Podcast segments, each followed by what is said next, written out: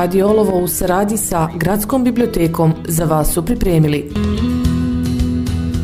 Izlog knjige Pripremila Sanela Kajičija Poštovani dragi slušatelji Radija Olovo, dragi čitatelji, korisnici Gradske biblioteke Olovo, srdačno vas i ovoga petka pozdravljamo iz studija Radija Olovo. Hvala redakciji Radija, hvala Centru za kulturu na suradnji i evo ukazanoj prilici da se i na ovaj način družimo sa vama.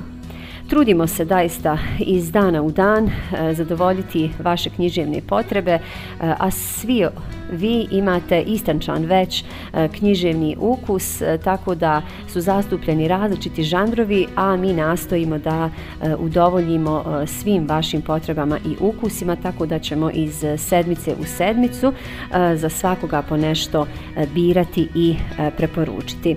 Za ovu sedmicu odabrali smo jedan zaista prelijep, predivan roman Eh, Ilhamin put u smrt napisao Rešat Kadić. Eh, mislim da svaka generacija eh, mora zaista pročitati ovaj roman, a evo ukratko šta vas to u romanu čeka, dakle vas koji još uvijek niste ovaj roman pročitali.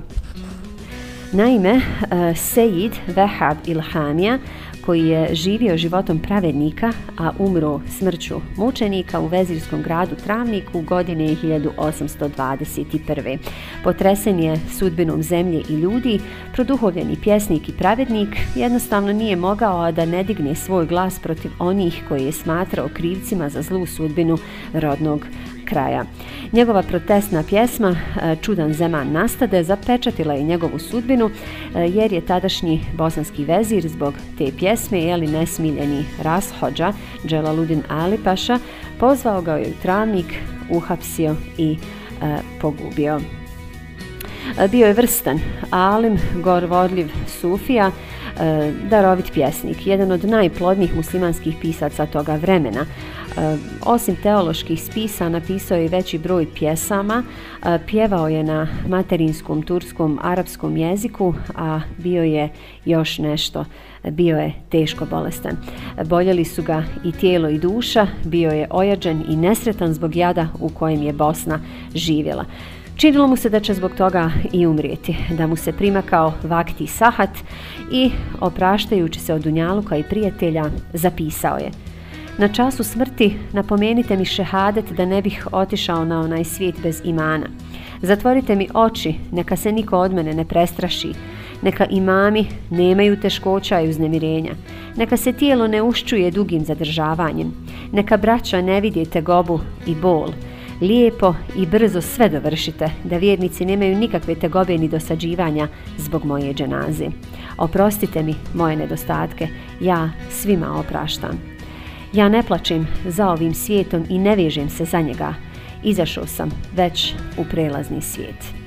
Zaista, eh, roman vrijedan eh, vremena, vrijedan truda i svakako jeli e, pronađite ga na policama gradske biblioteke. Mi vam evo za ovu sedmicu upravo taj roman i preporučujemo. E, u nastavku e, poslušajte nekoliko izdvojenih citata iz romana Ilhanin put Rešada Kadića. Glasovi su kao živa voda, nađu svoj put i probiju se. Svaka je istina u nevakat kazana, zorl.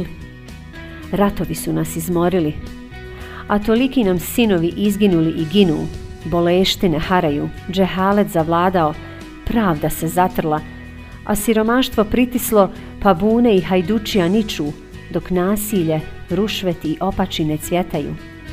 A oni koji bi trebali da prednjače i pravdu kroje i dijele, počeši od carskih ljudi i ajana pa do uleme, govore i rade naopako, misleći samo na sebe i tegleći svaki na svoju stranu. Čitava se Bosna u ranu pretvorila. Šta se ovo radi i šta će biti od nas za Boga? Radio Olovo u suradnji sa Gradskom bibliotekom za vas su pripremili izlog knjige